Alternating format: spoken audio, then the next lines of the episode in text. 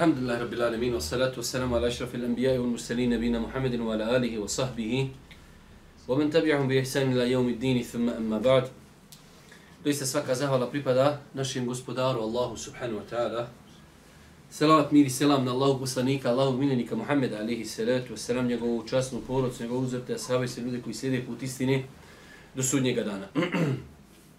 Braćuma draga, kao što znate, četvrtak od Akšama, a inšala uskoro i od Jacije, naš stalni termin u kojem čitamo razne knjige. Trenutno čitamo knjigu od 40 hadisa imama Enneveja Rahmetullahi Alihi, komentari od šeha Hajrudina i Osmana. Došli smo do 40. hadisa i time otprilike i privodimo kraju ovu našu knjigu. Jezda je 40 hadisa imama Nevevija, ali on je tu vrstio 42, tako da inšala još dva naredna četvrtka čitamo ovu knjigu. Večera se družimo s jednim interesantnim hadisom, bitnim hadisom, a isto tako hadisom koji treba pojasniti, jer se on može pogrešno razumijeti. Pa sam ja malo ovo dan i dva pripremio neke stvari vezane za ovaj hadis. Radi se o hadisu Ibn Omara radijallahu ta'ala koji bilježi imam Buharija. Allah poslanik alihi salatu wasalam jedne prilike uzeo Abdullah ibn Omara za rame i rekao mu kun fid dunja ka enneke garibun au abiru sabil budi na ovom svijetu kao da si stranac ili putnik. Ibn Omar radijallahu ta'ala bi govorio kada omrkniš ne očekuj da osaniš, a kada osaniš ne očekuj da omrkniš. Uzmi od svoga zdravlja za svoj bolest i od svoga života za svoju smrt. Hadis bilježi imam Buharija. Osnova, braću moja draga, ovog hadisa jeste da on ukazuje kako i na koji način bi čovjek trebao da se obhodi sa dunjalukom. Pa kaže Allah poslanik Ibnu Omeru. Ibnu Omer je inače bio poznat da je mnogo, mnogo pažnje posvećivao sljeđenju sunneta Božih poslanika i bio je poznat da jednostavno izolirao se od dunjaluka. Pa kaže Allah poslanik ali se letu wasalam, kum fi dunja ka enneke garibu ne wabiru sebir, budi na dunjaluku kao stranac. Ova riječ stranac, njeno ispravno svatanje stranac je insan koji je došao u jednu sredinu gdje on ne boravi stalno. To je stranac. Znači čovjek, stranac je neko koji je došao u neko mjesto tu će osjesti jedno kraće vrijeme, ali nije on iz te sredine. A druga ova kategorija je putni prolaznik. Ovo je još, još, ajde da kažemo, manja deređa i manji stepen. Stranac je neko koji je došao, oci u jedno mjesto, ali neće tu dugo ostati. A putnik je samo prolazi, u prolazu je. Pa kaže Allah poslanik, e tako bi čovjek trebao da bude na Dunjaluku. Jer vidite, jeste li kada vidjeli čovjeka stranca u smislu stranac u ovom kontekstu? Ne mora biti stranac u smislu čovjek koji govori jednim jezikom podnevlja. Ne, stranac ko ne živi u tom mjestu. Da li ste vidjeli čovjeka i vozi za sobom frižider, vozi za sobom šporet, vozi za sobom plinsku bocu, vozi za sobom ormar, vozi, ide čovjek preko vaš čaršije i natovario se. Ne, stranac, kako živi stranac u nekom mjestu? On nosi sa sobom nešto najneophodnije. Vidjeli ste, svako od vas ima priliku da negdje putuje. Ideš u Minhen, ideš u Berlin, ideš u Sloveniju, ideš u Ljubljanu, ideš... Bićeš tri dana. Šta nosiš sa sobom? Nosiš sa sobom jedan mali rusak ili jedan mali kofer. Šta ima u tom koferu? Imaš, znači, osnovne potrebe za higijenu, imaš jednu dvije košulje, jednu dvije majice, dva, tri veša, jedne čarape, jedne hlače i to je ono što ti treba. Ideš tamo dva, tri dana i vraćaš se. Je li tako? Pa Allah poslanik želio da pojasni u hadisu kakav bi trebao da bude odnos čovjeka prema Dunjaluku. Tako, znači ti si tu prolazno, ne znaš kad ćeš umrijeti. Nemoj se mnogo vezivati za Dunjaluk, već budi kao neko ko je stranac. Imaj taj svoj kofer dunjalučki, nemoj mnogo pažnje da posvećuješ dunjaluku. To je pojenta ovog hadisa i tako ga je satio Ibn Omer. Znači da se čovjek mnogo ne vezuje za dunjaluk.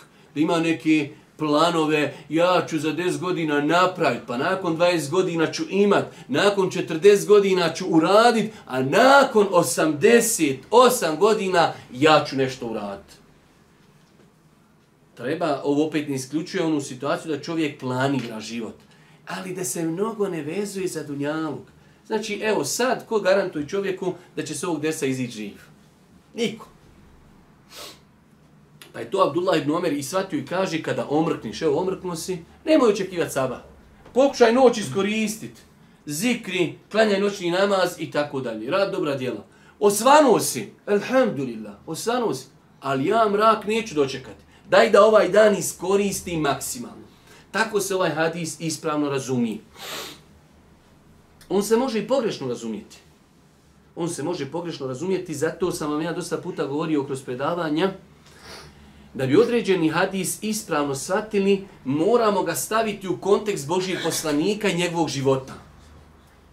Je tako? Primjer radi, prošle sedmice ili pretprošle sam imao hadis u, u, u Rijadu Salihinu, vjerujem da vi to ne pratite, jer nemate potrebe da pratite, vi ste to sve naučili. Imate onaj poznati hadis za Božji poslanik, ali se letu se nam kaže, nemojte vi prvi nazivati židovima i kršćanima selam. Znate onaj hadis, vjerodostojan. Pa kaže, a kada ih sretnete na putu, stjesnite ih u tjesni dio puta, je li tako? Jel tako hadis, vjerodostojan hadis, ljudi? Šeji Husaymi, rahmetullah, Jalej kaže, nema nigdje u životu Božeg poslanika da je zabilježeno da on kad išao stjesnio nevjernika u tjesan dio puta. A rekao poslanik tako da treba raditi treba razumjeti onda hadis ispravno. Jel tako? I ovaj hadis. Ovaj hadis treba uzeti u kontekstu života Božih poslanika, u kontekstu ashaba, da vidimo kako su oni doživjeli ovaj hadis. Kako su ga oni prakticirali.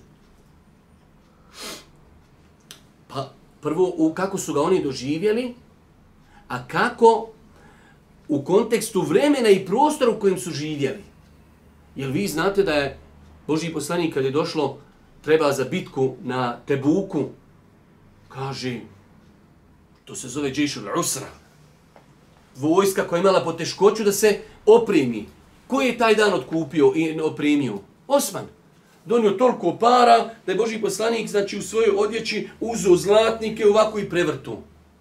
Hiljede zlatnika. Šta mislite da je Osman Osman kaže, ja na Dunjaluku, ja sam putnik. Meni treba samo jedna torbica i ja samo imam čefine, imam malo hurmi, malo vode. Pa je ispravno razumijevanje ovog hadisa, o tome ću cijelo vrijeme govoriti, da ga treba uzeti u kontekst. Ne, ne, ne isključuje ovaj hadis da čovjek bude bogat. Da ima Abdurrahman ibn Auf, kojim je obećan džennet, On kad je preselio, nakon njega su u to vrijeme sjekirama sjekli zlato i dijeli njegovoj, njegovoj rodbini i njegovim nasljednicima. Pa znači, Abdurrahman ibn Auf obećan mu džennet. Kako on sad ovaj hadis? Da se čovjek ne vezuje za dunjalu, ali to ne isključuje da bude bogat. Već isključuje da dadne čovjek prednost dunjalku nad ahiretom. ma ja vrtim se, spačim ko, ko, ko, ko kengur ko. Pa znači, ovaj hadis treba ispravno razumjeti. Ne isključuje ovaj hadis da čovjek bude bogat. Kao što bi se moglo desiti, jer imate čak sekti u islamu koji su nastale možda na sličnom hadisu. Sjedi, neđe u čošku, pokri se ponjavom, zikri, budi na dunjaluku, prolaznik, ništa te ninte. Muslimani povijedili, alhamdulillah, izgubili, alhamdulillah. Šta se dešaj, ne znam, mene to ne interesuje. Treba pomoć muslimane, Boga mi nije, ja cijeli dan sjedim, zikrim, šućuram i tako dalje. Pa je to ne, ali pazi, lik se ufati za hadis. Poslanik je rekao, budi, budi strana, ja sam kaj stranac. Speak English, no. Dojčeš prije, no. Arabik, no. Ništa lik ne zna, samo sjedi i zikri. I kaže, poslanik rekao hadis u Buhari, jesi ti sad kaj pametniji od hadisa. Pa se ovaj hadis može pogrešno razumjeti. Islam je, braću moja draga, u svakom pogledu, hvala Allahu, umjerenost. Ako pogledamo ljude u kontekstu ovog hadisa, mogu se podijeliti u tri kategorije. Imamo ljude desno, koji su prodali ahiret za dunjaluk. Čovjek ostavi nama zbog dunjaluka.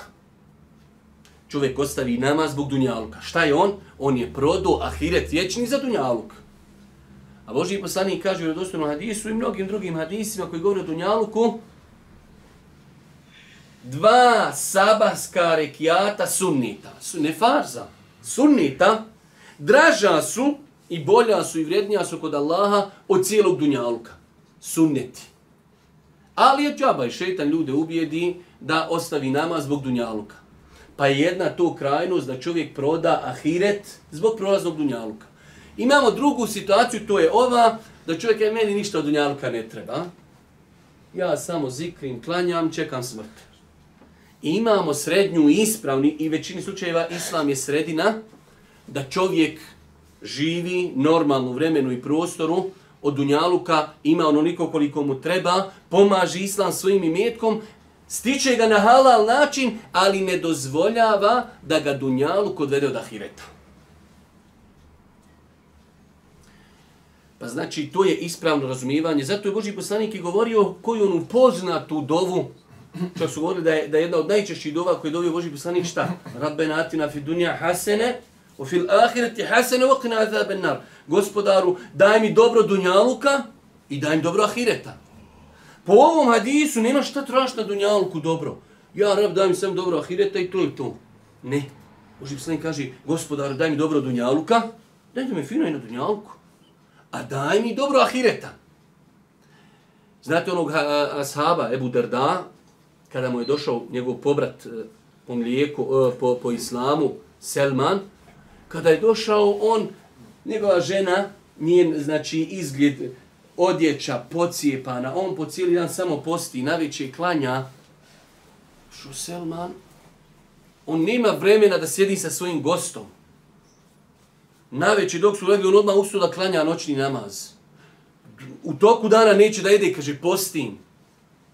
Pa mu Selman radijallahu ta'ala kaže, neispravno je to. Inne li rabbike alike haqa, tvoj gospodar ima ko te pravo, definitivno. Ali inne li džesedike alike haqa, i tvoje tijelo ima pravo. Inne li zauđetike alike haqa, i tvoja žena ima tvoje, ko tebe pravo. وَأَعْطِي كُلَّ ذِي حَقٍ حَقَّهُ Svakom dati njegovo pravo. Pa je to islam.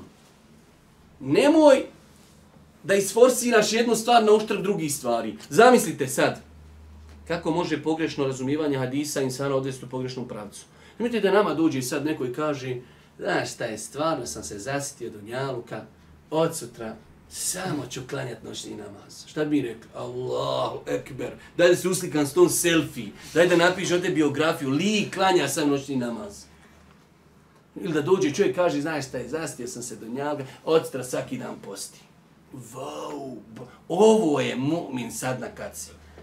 Kad su došli Božijem poslaniku, vi znate da je rodosan hadis, kad su trojica saba došli i pitali za život Božijeg poslanika, pa kad su čuli, kaže jedan, ja ću od noćas svaku noć samo provoditi u ibadetu, Neću više nikad spavati. Drugi kaže, ja se neću ženit. Treći kaže, ja ću non stop postiti. Nama da su rekli, mi bi to šta? Aplaudirali. Ovo su dobri ljuv, tako, brate, to, čvrsto, žestoko. Boži poslanik zovno. Prvo, jeste li vi to rekli? Jesmo. Jeste li vi to rekli? Jesmo. E, kaj slušaj. Ja se ženim, ja postim, a nekad ne postim, ja najveći klanjam noćni namaz i nekad spavam. Ovo je, kaže, moj sunnet i koga ostavi, meni ne pripada. Umjerenost. Spavaš i klanjaš. Postiš i ne postiš. I tako dalje. Pa je znači, braću moja draga, islam umjerena vjera. Umjerena vjera i dunjalu treba doživjeti kao kao poljana bašta u kojoj se čovjek trudi da zaradi Allahu vječnu nagradu džennet. Vi ako pogledate historiju onog momenta kad su muslimani ispravno razumijevali vjeru, vidjet ćete da su, da su muslimani utemeljitelji velikih nauka. Ali da su oni bili, ha, daj me učešak, daj mi tespi, pokri me te, te, ponjavom, ma, astronomija šta moga, ja znam, budi prolaznik na Dunjaluku, astronomija zvijezda, će, ti ja fatat gore po nebesima, nek izlazi sunce kad hoće, daj ti nama, daj nam tespi da klanjamo. Jopaš muslimani u Španiji utemeljitelji velikih dunjalučkih nauka, ne ahiretskih, dunja, jesu i ahiretski, alhamdulillah, napisali tefsire, napisali fik, napisali arapski jezik, napisali, napisali, ali utemeljitelji dunjalučkih nauka, od matematike, od astronomije, od arhitekture, od, od, od, od, od. Pa je to ispravno razumijevanje vjeri. I dunjaluk i ahiret, ali samo ne na uštrb ahireta. Pa je to ispravno ispravno razumijevanje ovog hadisa. Allah Žešanu kaže Božijem poslaniku samom u Kur'anu, iako pogleda ovog hadisa, a, kur'anskog ajta ima e, dva tumačenja, a oba dva su inšala ispravno, kaže uzvišenje Allah وَابْتَغِ فِيمَ آتَاكَ اللَّهُ دَارَ الْآخِرَ وَلَا تَنْسَ نَصِيبَكَ مِنَ الدُّنْيَا Nemoj Boži poslaniče da zaboraviš i svoj udio na dunjalku. Pa kaže se po jednom tumačenju tefsira, koji je relevantan, prenešen od ashaba, nemoj Boži poslanik da zaboraviš i da uskratiš sebi dunjalučko naslađivanje. Na dunjalku si, huwa alladhi khalaqa lakum ma fil ardi jami'a. On je za vas stvorio sve. Uživaj na dunjalku. Ali, vidjet ćemo poslije kako, pod uvjetima. Pa znači, to je ispravno razumijevanje ovog hadisa. Da čovjek od dunjaluka uzme onoliko koliko mu je potrebno, da bude neovisan od ljudima, od ljudi, da može svojim imetkom pomoći muslimane. Vidite se kako je fino kad ima neka Sergija, neko pravi džamiju i čovjek dojkaj da ću ja sto hiljada. Mislite, otkud mu stoji dobio na lotu? Musliman čovjek ba, ne igra loto. Zaradio, trudi se. I svi nama drago nam mašla čovjek dao sto hiljada, dao milion. Od čega? Da smo svi bili u Čošku i zikrili ko bi napravio džamiju, ko bi napravio bolnicu, ko bi napravio mostove, ko bi napravio putere. Pa je ispravno razumijevanje Islama tako. Od unjalka uzme onoliko koliko ti je potrebno da te ne odvede od ahireta, da ne prodaš ahiret. Isto tako, u današnje vrijeme, ja sam takvog stava, kada se Dunjaluk ljudima otvorio, Danas mi bilo po meni nelogično samo citirati ljudima ovaj hadis. Ti čovjek kaže, e, hajde, budi musliman, kaže, e, šta znači biti musliman? Pa znaš šta, pa viš, svi uživaju, svi auta, svi mobitele, svi laptope, svi avione, mi ćemo biti na Dunjaluku garib, stranci, rusak. Pa šaj ti u taj islam, nemoj mene tamo. Hoću ja mobitel, hoću ja auto, hoću ja u avion, ali na halal način. Pa u današnjem vremenu i prostoru nije od mudrosti i pametno kažeš ljudima, e, hajte vi muslimani, ali odmah vam je uvjet, morate vi gladni, morate vi siromašni. Neće ti niko, neće ti niko onda prihvatiti taj islam. Zato kažem, čovjek treba ispravno razumjeti e, ovu kalkulaciju Dunjalka Ahiret. Svakako, uvijek ne smijemo zaboraviti, Ahiret je vječan. Dunjaluk je prolazan. Ali isto tako vidjeli smo ashabe, velike ashabe, od Ebu Bekra, od Omera, od Osmana, su ljudi bili za to vrijeme milioneri. Za to vrijeme milioneri. Ali taj Dunjaluk nije ušao u njihova srca. Nisu zbog Dunjaluka prodali ahiret. Pa čovjek, znači, kad je u pitanju Dunjaluk, prvenstveno treba da pazi da bude stečen na halal način, da ga ne spriječava na prakticiranju, u prakticiranju islamskih propisa. Ok, stižem ja dunjalu, milionir sam, ali me to ne spriječava da klanjam, da postim, da im zekat, idem na hađ i da ne uzimam harame i tako dalje. I, znači da ga ta stvar ne okupira u pogledu, u pogledu stizanja, stizanja ahireta. Znači, to je ispravno balansiranje, ispravno razumijevanje ovog hadisa.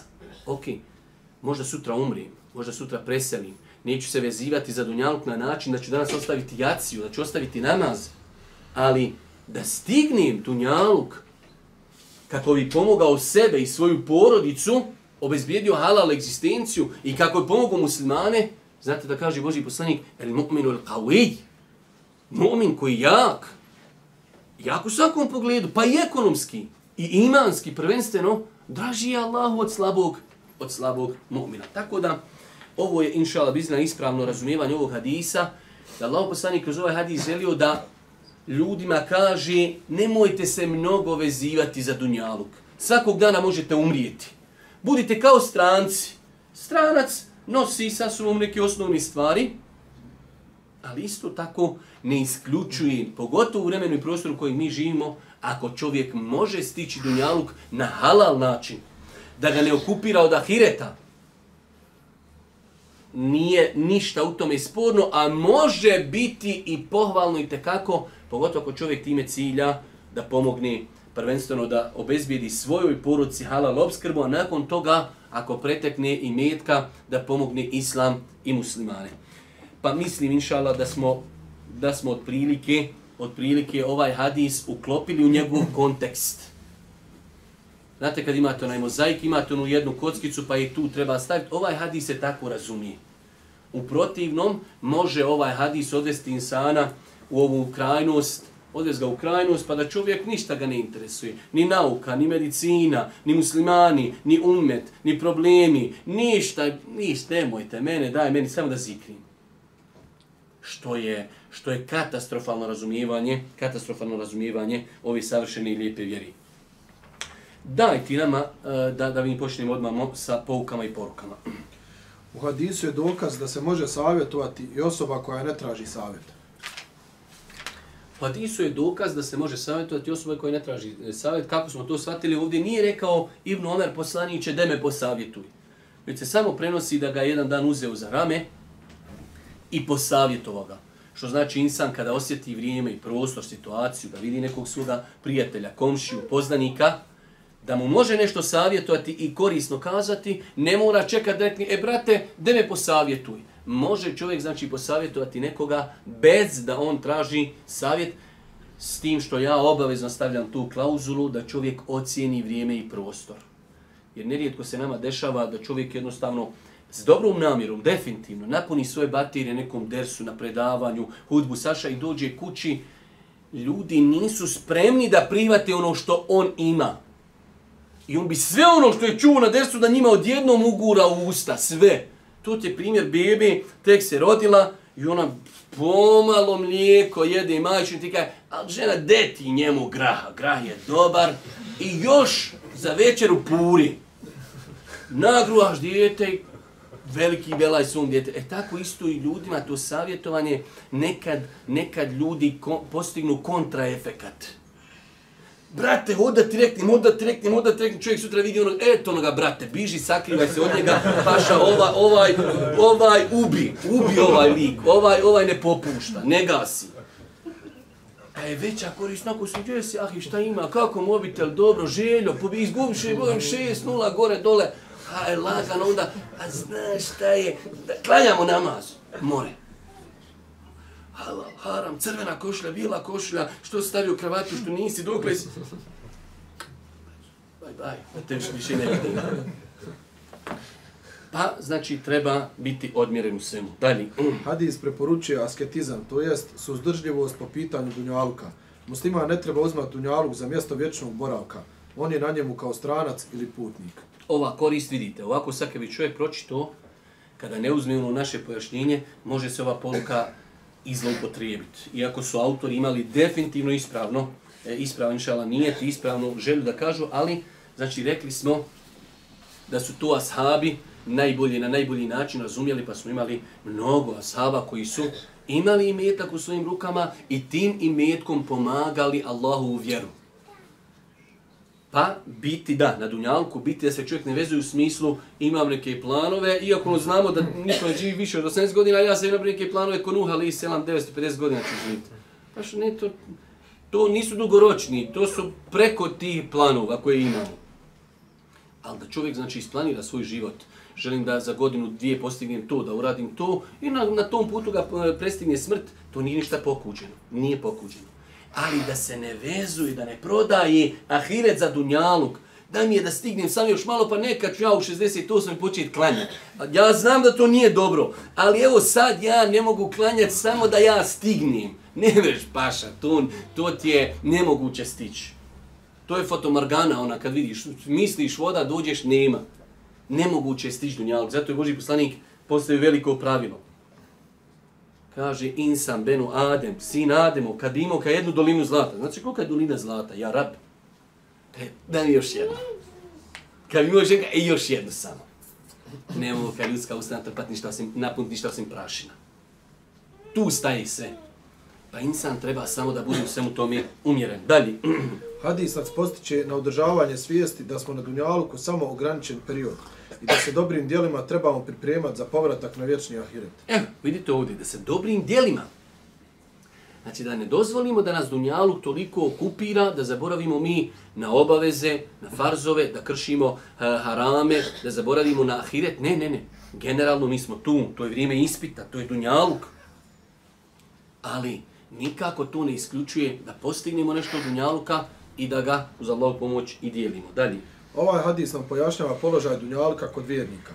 On je kod vjernika bezvrijedan, te se istinski vjernik ne veže za njega, niti se brine o njemu mnogo. Već uzima s njega onoliko koliko mu je doista potrebno i iskorištava ga u pokornost uzvišenom Allahu. Sve onako kako su mi shvatili i sve onako kako su mu pojasnili. Dalje. Treba biti umjeren po pitanju Dunjalka i svjestan vrijednosti Ahireta, te ih postaviti na odgovarajuće mjesto. Bravo. Trebamo biti svjesni da ćemo otići svi trebamo biti svjesni da šta god da imadnemo kad mi odemo u kabur, sasvom nećemo ponijeti. Trebamo biti svjesni da ne znamo dokad ćemo živjeti, ali sve to ne isključuje da huvalladhi khalaqa lakum ma fil ardi jami'a on je za vas stvorio sve što je na zemlji. Ali pod onim uvjetima koji smo već više puta ponovili, da bude halal, da nas to ne okupira od ahireta i da ne činimo harame, inša Allah nema ništa sporno, pogotovo, rekli smo u današnje vrijeme, definitivno ova tema danas nije odgovarajuća zato što mi trebamo gledati ovu drugu stranu. Danas 95% muslimana ima problem sa ovom vamo stranom. To što mi spominjamo primjer ovoga nekog koji zikri takvih je danas, oni su iskorijenili se uvijek kod dinosaurusi, malo, budiko ima. Mi imamo sad veliki problem umeta, gdje 95% muslimana, ja musliman, ja sve, ali ja ne klanjam, ja ne nosim mahramu, šta je, pa ne mogu na poslu, ja ne mogu stići, tako dalje pa su muslimani ošli u drugu krajnost, ali eto ja sam ovaj hadis želio samo da ga uklopimo na njegovo pravo mjesto, ali i ovo je neispravno. Danas treba umetu govoriti o bezvrijednosti Dunjaluka. Brate, zar se nisi probudio, svijesti se iz kome u kojoj se nalaziš, svi umiru i šta su ostavili? Šta su ponijeli? Nosi sa sobom čitabe gdje su mu zapisana dobra i loša djela sam gledao ono jedno, ali to, to je jedan od, od planete, čovjek kaj daj mi Rolls Royce, mog zakopajte sa mnom. Zakopaj, paša. I, još ga voza dole pod vozom, ninja kornjače. Nema, paša. Nema. I ako ga zakopaš budalasto, čovjek bolje dadni bijedi nek proda. Znači čovjek neće od dunjalka ponijeti ništa. Ako ga neću ponijeti e, sa sobom, što onda da ga zarađujem na haram način da bi djeci napravio zgradu od osam spratova? Čovjek i žena dovoljno mu kuća 6 sa 6. On napravi 18 sa 17 i 8 spratova. I čitav život on zato radi. Šta je da djeci obezbijedim? Da im obezbijem. Uzo kamatne kredite, pršljeno im poispadali paša, ko rupe u nas po, po kamenjaru, po selima. Toliko su pršljeni se izjerili. Ali daj da on nešto djeto obezbijedi. I babo umre, on sutra odmah na pik stavi. Prodajemo pojeftinu kuću vrijedi, kaže, 3000, daj im za 500. I je babo radio, pršljeno, ispod zemlje vire koliki su.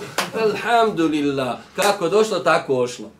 I zaradiš džehennem zbog, zbog djeteta koji će to prokockat u, u kladioncama. Ne niš. Ok, mogu pomoć, pomoću ti. Tu sam. Ali da se na haram način gradim zbog tebe, neće ti čoveče niko reći hvala sutra. Pa insan znači treba i ovo, to je današnji problem planeti. To je današnji problem planeti da ljudi pretjeruju u pogledu Dunjalka, definitivno. U hadisu je očeva ljepota poslaničkog podučavanja putem navođenja primjera. Budi na Dunjaluku kao da si stranac ili putnik. Definitivno, jedna od metoda Božih poslanika je bila da je dosta puta putem primjera ljudima pojašnjavao stvar. Sjećate se kad je onu ženu vidio kako ona kako ona ono svoje dijete kad je bila ona zarobljena pa izgubila svoje dijete pa kad je ga poslije prigrlila počela ga hraniti, Boži poslanik je tu iskoristio, tu situaciju, kaže, bili ova žena ikad bacila svoje dijete u vatru, a može da ga ne baci? Kaže, Allah, poslaniče, džeće. I kaže, Allah je milostiviji prema svojim robama nego ova žena prema svom djetetu. Znate, kada je jedne prilike bio Ebu Bekr i Omer i mnogi asabi u, u sjelu s Božim poslanikom, a bio i Ibn Omer tu, sin Omeru. Kaže Boži poslanik, ima jedno drvo na arapskom polotoku koji sliči mu'minu. Koji je?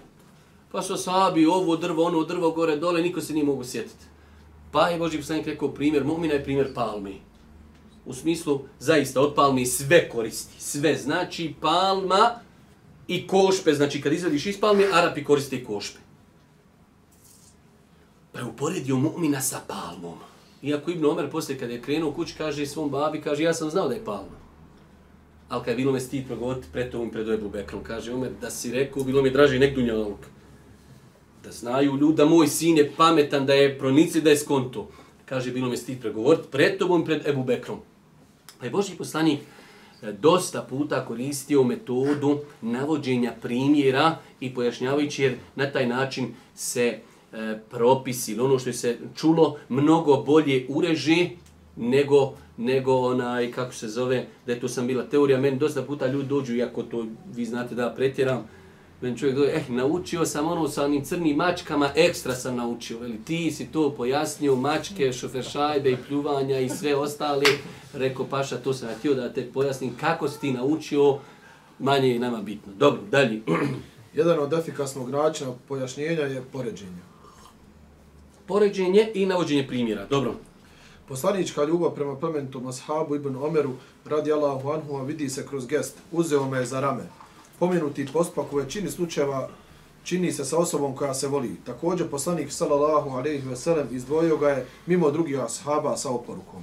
Definitivno, znači taj e, kontakt čovjek treba nekada jednostavno koristiti, kao što je koristio Boži poslanik sam, sam moment da čovjek nekoga zagrli nekad, da, da ga potapša, e, da mu kaže neku stvar kao njega da izuzme, sve to ima posebne metode. Ljudi koji su, koji su u prosveti, pa da neko dijete pomiluje, pa neko obnaga maša, ti si danas bio dobar, ti si danas zaista svaka čast, ti ćeš nam ovo, znači to ljudima mnogo, mnogo znači. Putem radnje uzeo me za rame.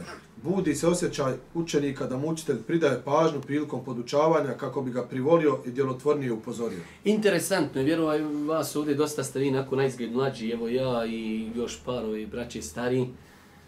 Interesantno je koliko djeca voli svoje učitelje. I kako sve od njih kopiraju i kako im svaki gest njihov znači nešto.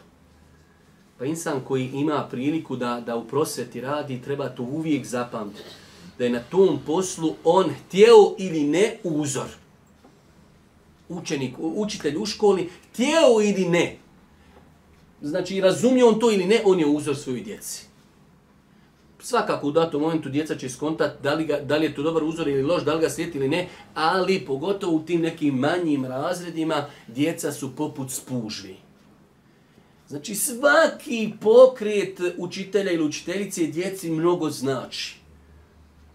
Pa dijete samo dođe kući dobilo je tačno, samo onu crvenu olovu. Vau, dobio sam tačno. Dobio sam cvjetić. Dobio sam zvijezdicu. U, zvijezdica je gotovo. Nema, to završena stvar. Pa znači učitelji to trebaju iskoristiti da djecu vezuju, da djecu podučavaju, da ih podstaknu, da ih stimulišu i tako dalje. Dalje. Hadis nam ukazuje na vrijednost plemenitog ashaba Ibn Omera radi Allahu anhuma. Poslanička oporka je utjecala na njega, a zatim je i on na nju podsticao druge. Definitivno, Abdullah ibn Omer radijallahu ta'ala mi smo rekli poznat u njegovoj biografiji da je bio e, izuzetno, izuzetno e, dosljedno islijedio sunet Božijeg poslanika, alihi salatu wasalam. Dalje. Plemeniti ashab Ibn Omer radi Allahu anhuma radio je po poslaničkoj oporici što se razumije iz njegovih riječi. Kada omrkneš ne očekuj da osvaneš i kada osvaneš ne očekuj da omrkneš. Ovo je u jednu ruku isto kao i komentar oni riječi Božijeg poslanika. Božji poslanik je nešto rekao i pogledajte bereketa i blagoslova da ove riječi od Ibn Omera bilježi Buharija. Zato što su došli kao pojašnjenje za ovaj hadis. Dalje. Očevidno je koliko su ashabi žurli da sprovedu u praksu vjerovjesnikove sallallahu alejhi ve sellem savjete i oporuke. A Allahu poslanik sallallahu alejhi ve sellem bio je najbolji odgajatelj. Definitivno, dalje. Riječi plemenitog ashaba Ibn Omera radi Allahu anhuma. Kada omrkneš ne očekuj da osvaneš i kada osvaneš ne očekuj da omrkneš. Su tumačenje poslaničke oporuke. Inače, e, imate pravilo jedno koji su postavili islamski učenjaci, to je više se malo vezuje za fik i za neka druga poglavlja, ali može se i ovdje sigurno primijeniti da kaže prenosioc hadisa zbog konteksta. Nekada kad imate hadis, jednostavno taj hadis se može shvatiti na nekoliko načina. Ali kaže, ako ga je pojasnio prenosioc, onda je najprioritetnije da se taj hadis shvati tako. Zašto? Jer ga je on doživio. On zna kakve su okolnosti bile kada je rečen taj hadis. I ovdje, znači Ibnu Omer je insan koji najbolje razumio šta je poslanik u datom momentu htio da kaže, pa je on tako i protumačio taj hadis. Poslanik sallallahu alejhi ve sellem je težio za dostavljanjem dobra svom umetu. Pa je obraćajući se jednoj osobi Ibn Omer radijallahu anhuma ciljao cijeli umet. Definitivno, znači ovo je veliko pravilo da osnova je, osnova, to je temelj, da svaki hadis izreče nekom ashabu savjete umetu, osim kada dođe klauzulu koji stoji da je to posebno. Znate kada je došao onaj Asab, kaže zaklo sam, zaklo je kurban prije Bajrama, ali ne može se klanja zaklat kurban prije Bajrama ako se zakolji neispravno je. Meso je halal, ali je neis, nije, nije obaveza ili da reknu propisanost kurbana nije po, onaj ispunjena. Pa je došao Asa i kaže Allah ponoslić, ja imam jedno janje, jare, malehno, ono u smislu godinama je malehno. Ali mi je draže, kaže, nego velika jedna ili dvije ovce mogu li ja njega zaklati? Sad napravio sam prekršaj, želim da, ali nemam više. Kaže Boži poslanik, možeš, ali samo ti.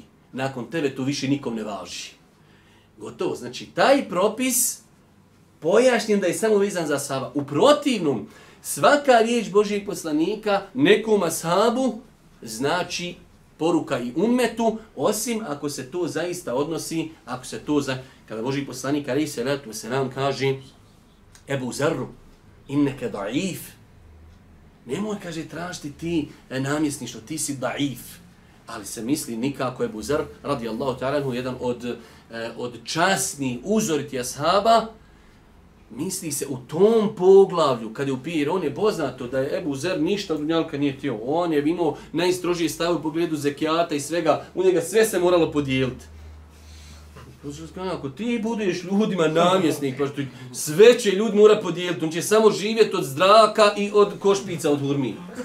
Nemoj ti kaj da ljudima ti bio na, na, možda ćeš nenamjerno nekome napraviti nepravdu. I neke daif ovdje, samo u ovom momentu. I ne možemo sad taj hadis reći za nekog drugog. Pa imamo znači hadise koji su za nekog izrečeni, ali generalno ako Boži poslanik savjetuje nekog insana, to je savjet i njegovom ummetu. Ibn Omer radi Allahu anhuma nam preporučuje da se činjenje dobrih dijela ne odgađa. Kao što je rekao, kada omrkneš ne očekuj da osvaniš i kada osvaniš ne očekuj da omrkneš. Znači ovi riječi Ibn Omera u osnovi imaju cilj da te podstaknu. Nemoj, pa sutra ću, ne, omrknu sam. Imam nešto što mogu uraditi sad, ali eto mogu i sutra. Radi sad, zašto? Jer ne znaš da, će, da ćeš doživjeti sutrašnji dan. Interesantno je koliko su ljudi u gafletu i nemaru svi mi, ja prvi, pa ostali uzdužno i popriječno. Subhanallah. Na svakom koraku vidimo, i to sad imate čak, ja sam nedavno nešto istraživo, imate sad u medicini termin, popravite me ovi koji znaju bolje od mene medicinu, termin, znači bolest, iznenadna smrt. Pazite, prije hiljadu i često godina poslanik je spomenuo da je od preznaka sudnjeg dana iznenadna smrt. I mi to vidimo na svakom koraku. Čovjek ništa, ja sam danas gledao, neko ti pošli na video klip, čovjek sjedi na govornici, priča, smije se i samo pre... Ništa, ni bolnica, ni, ni tablete, ni e, infuzije. U tri sekunde čovjek umri. I to čovjek vidi. I ništa, lola, ide za dunjalukom, trči, derobe i svidio kako ona umri. Šta da si ti bio mjesto njega? Klanju nisam, postio nisam, zekat nisam, hađ, harama, znači, Ko kad ono kupiš u, u bingu, onu podmiru, pa volki račun. U njega toliki račun harama ima u životu. I ništa liko da mu je neko obećao još 120 godina živ polako. Pa što nemoj žut da se, nemoj se pokaju, valjaš kaj živjet po telbu. Ako ode, kaže, nahađ, valja čuvat hađ. A ja rab, gdje ga čuvaš u džepu? Uuu, hađ doneseš i staviš ga u sef. Zaključaj, hađ, da valja čuvat, hađ. Ono, aj Lola, budi još ono hajvanski, živi, živi, živi, budi gori od hajvana. I onda u 89. godini idem na hađ, ne vidiš čabu, dobro ti oči spale sa 16 čapova, 15 hađija tebe mora vodat i alhamdaka obavio sam hađ, sad fino mogu nahijati jedan od 100, 99 ljudi poginulo prije toga. Ovaj, eto, alhamdulillah, doživio je, obavio i to i to. Ovi 99 paša u putu izgubili se. Šeitan je, šeitan in, interesantno. Sa jednom cakom zavede milijone ljudi. Može se pokajati? Da, da, da, da, kako hoćeš svakako. Stvarno, znaš, treba se pokajati. Ovo što rani nevelja, nevelja Boga Bogan čovjek ono počne ako jes ekstra stvarno. A znaš tako, kad imaš 99 godina, jesu, ilhamdulillah. I paša, on samo njemu taj čip gurni tu 99 i on to instalira i do 99 on je njega pustio. Veli, alhamdulillah, ovaj 99 sa njim sam završio. Takvih imaš milione na, na, na, na planeti. Od ti sad što je on milione, taj im samo čip instalirao, paša njih 99% umri na putu i ona jedan što je ostao, hm, dok se pokaje, pa ako ne pokaje, on njemu opet kaže, znaš šta je, još ti je rano paša, još aj jedno 3-4 godine, to je to. Pa znači, interesantno je kako šeitan zavodi ljude. Dobro. Generalno, znači, ova poruka je da Abdullah ibn Omer je htio da kaže Omrku si, nemoj očekivati sutra ću nešto. Možeš noća završiti. Uradi. Osvanuo si, novi dan, imam nešto što bi želio neki hajrat uradit, uradi ga danas, nemoj čekat sutra. Dalje. Upozorava nas na kratkoću dunjalka i nadanja, a na to opominju riječi, kada omrkneš ne očekuj da osvaneš i kada osvaneš ne očekuj da omrkneš. Dalje, pojašnjen. Hadis u sebi sadrži upozorenje na prezren moral, jer osoba koja je putnik stranac, ona ne poznaje mnogo druge ljude pa da im zavidi, da ih mrzi, neprijateljski se ponaša prema njima, spletkari i slično. Većina lošeg morala upravo dolazi zbog druženja s drugim ljudima koji čovjek okupirao od Allaha, osim onoga koga Allah učvrsti. Ovo je zaista, znači kad čovjek sjedio, ja garantujem ja da sam sjedio, da mi neko rekao, hajde, hajde ti smisli ovu poruku, ja sam mogu sjeći 60 godina jer mi ova poruka nampala iz ovoga disa.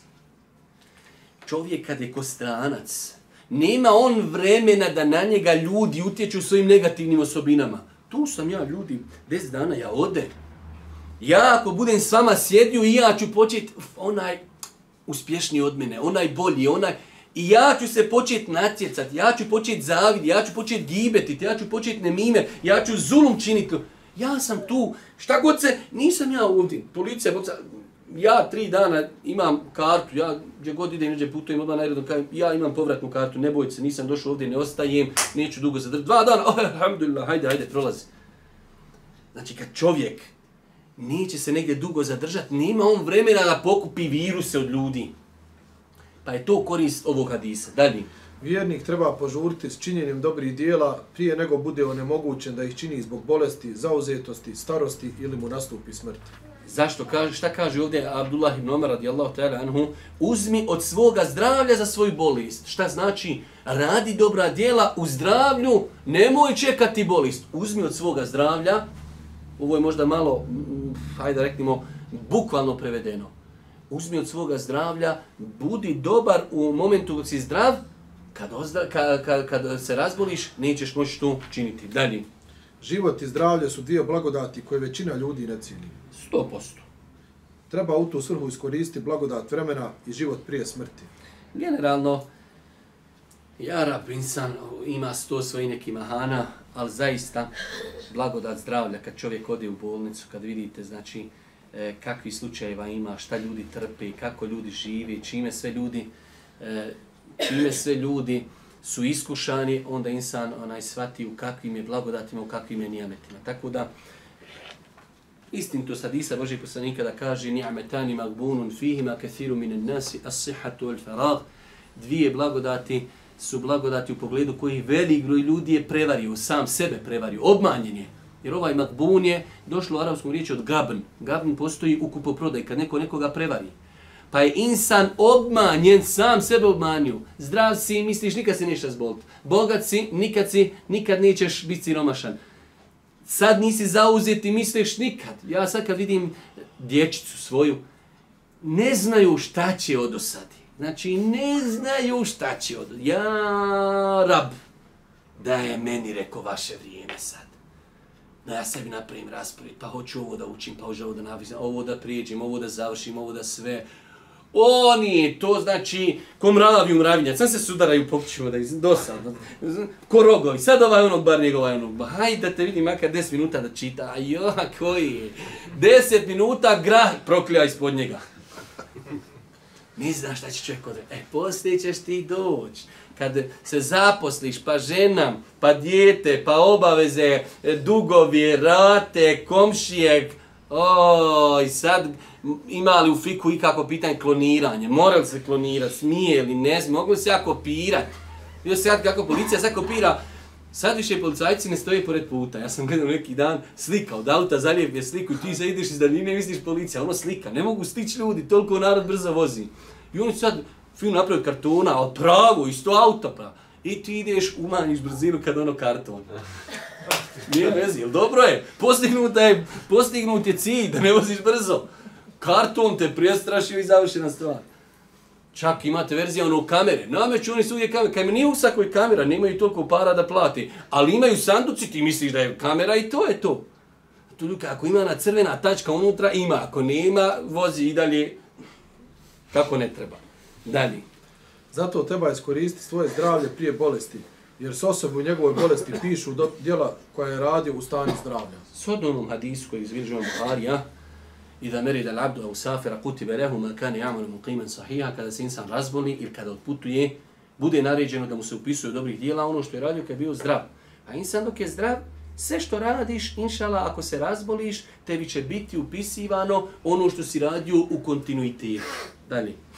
Ona osoba koja ne iskoristi svoj život i svoje zdravlje, zasigurno će se kajati onda kada joj kajanje ništa neće koristiti, te će priželjkivati povratak na Dunjalu, što će biti nemoguće. Definitivno. Pogledajte kako je Kur'an savršen, kako je Kur'an lijep. Nije ostavio ni jedno pitanje, a da nam ga nije definisao. Na više mjesta u Kur'anu imate Allah Đelšanu kaže, a kada njima smrtne muke nastupe, oni će reći, Rabbir dži'un, vrati me. Deda, lali amelu salihan fima, deda uradim sad dobro djelo koje sam ostavio. Kella, a, nema, gotovo. Pa sad dok si o Allahov robe uradio, e, prošto si taj kuranski ajet, nek ti taj kuranski ajet bude formula po kojoj živiš. Nemoj da budeš ti onaj na kojem će se obistiniti taj ajet. Već ti budi onaj koji će se okoristiti tim ajetom. Dalje. Vjernik treba požuriti činjenjem badeta. U njemu ne smije malaksati ili ga odgađati. Jer ne zna kada će mu nastupiti smrt. Definitivno. Dunjaluk je prilika za rad za ahiret.